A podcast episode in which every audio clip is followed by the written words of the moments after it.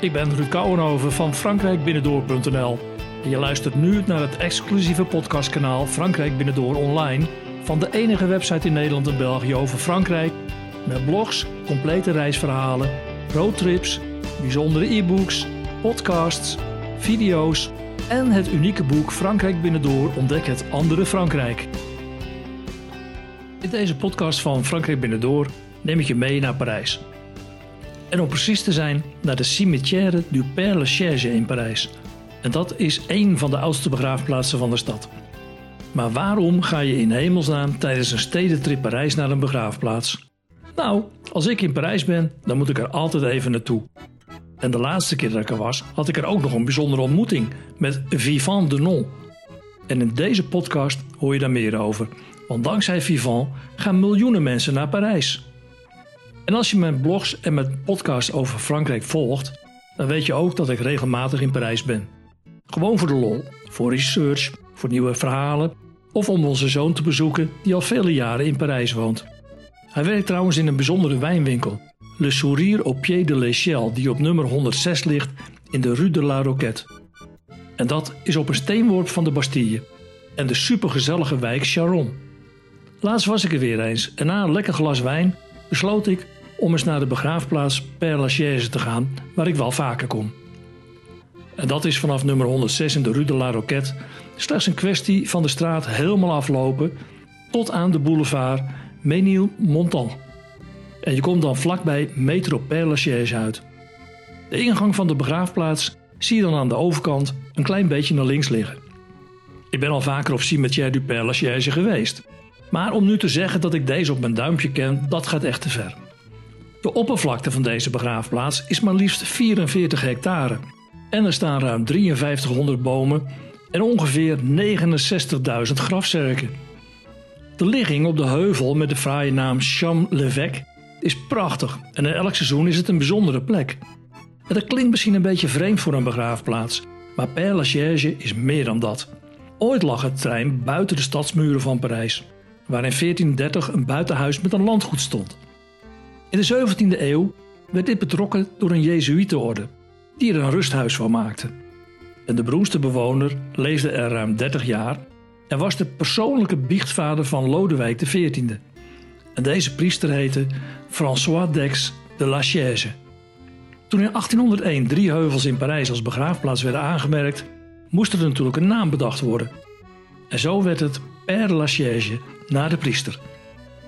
De andere heuvelbegraafplaatsen in Parijs werden trouwens Montmartre en Montparnasse. Maar wie liggen er nou eigenlijk begraven op de Cimetière du Père Lachaise? De begraafplaats werd aangelegd op circa 18 hectare in de vorm van een Engelse tuin. Kosten nog moeite werden bespaard voor de aanleg, maar er werd bijna niemand begraven. Want wie wilde er nou begraven worden buiten de stadsmuren? Dat was toch alleen maar voor het gepeupel? En acht jaar na de opening waren er nog maar ongeveer 800 graven. Die hadden wel een zee van ruimte, maar dat was natuurlijk nooit de bedoeling. En er lagen alleen maar wat arme sloebers uit de omgeving. Er moest dus een plan bedacht worden en dat bleek een geniale oplossing te zijn. Maar daarvoor moesten wel de stoffelijke resten van vier beroemde Fransen verplaatst worden en opnieuw worden begraven op Père Lachaise. En dat werden de schrijver Molière, die in 1673 overleed, de dichter en schrijver Jean de La Fontaine, bekend van zijn fabels, hij overleed in 1695, en het bijzondere koppel Abelardus en Heloïse. De laatste was een abdis die bekendheid kreeg om haar liefdesbrieven die ze schreef naar de theoloog Petrus Abelardus. Zij werd in 1146 begraven naast haar geliefde Petrus, die vier jaar eerder stierf. En ruim 700 jaar later werden ze samen opnieuw naast elkaar begraven op Père Lachaise.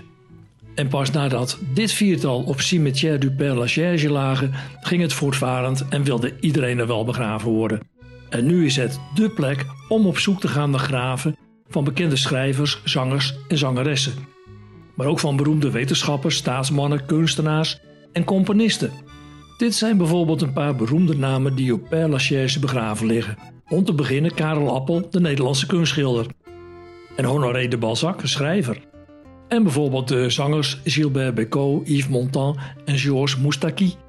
De beroemde operazangeres Maria Callas, die werd er gecremeerd. en heeft geen graf, maar een gedenkplaat op uh, Père Lachaise.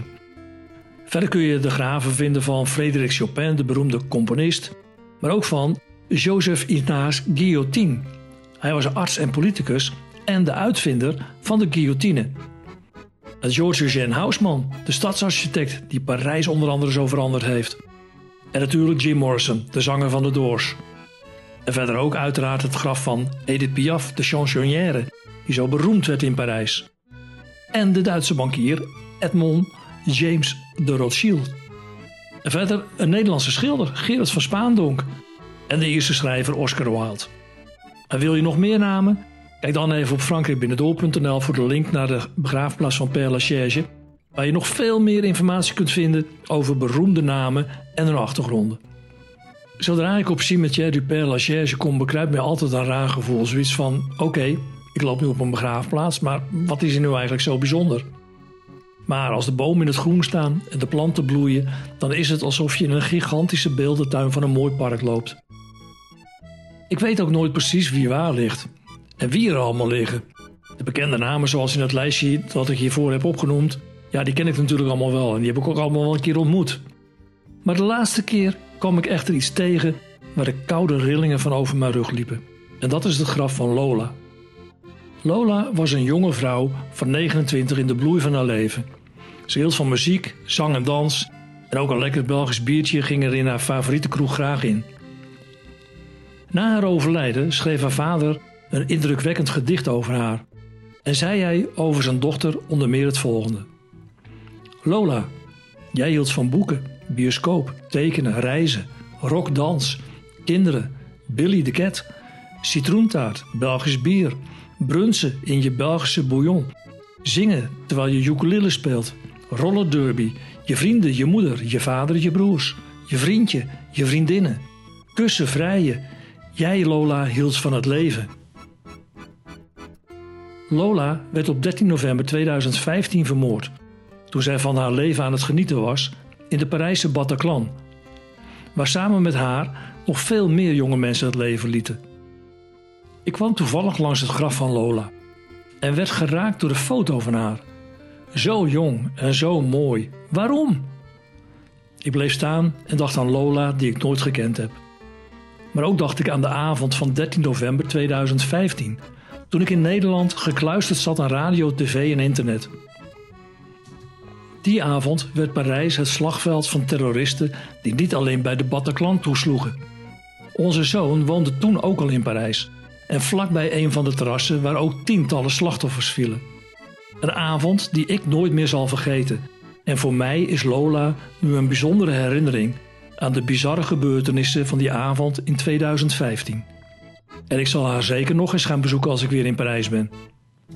Dezelfde keer dat ik voor het eerst langs Lola kwam, wilde ik nog eens naar het graf van Jim Morrison, de zanger van de Amerikaanse groep The Doors. Een favoriete band uit mijn jeugd en nog steeds heb ik hun LP's. Ik verliet mij echter en verdwaalde bijna in de weerwar van straatjes en paden.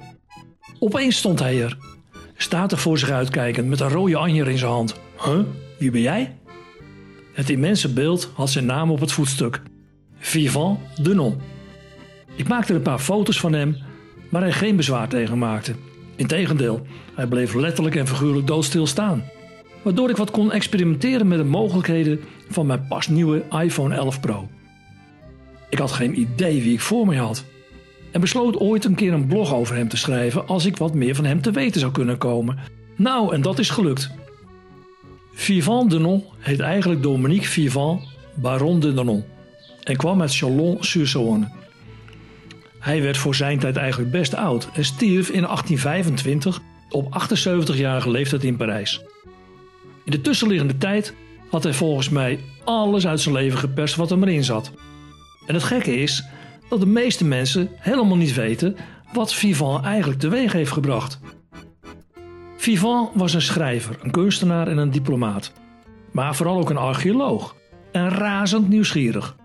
En Vivant werd zelfs vriendjes met koning Lodewijk XV.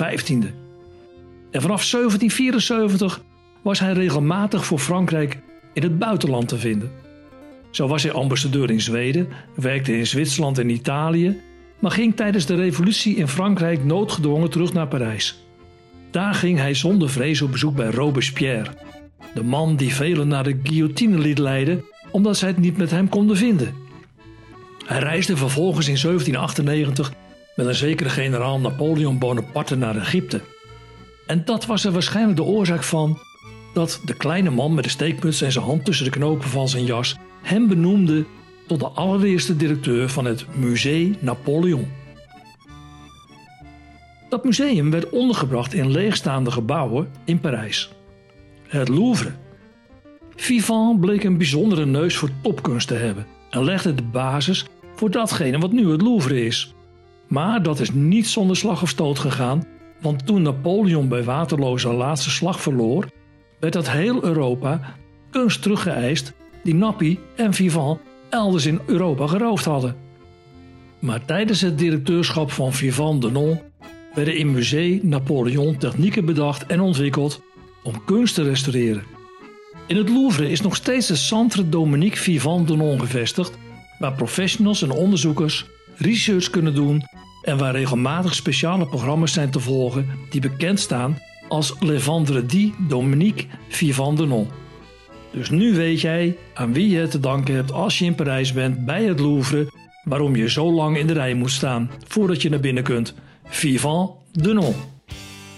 Oh ja, vond je deze podcast leuk?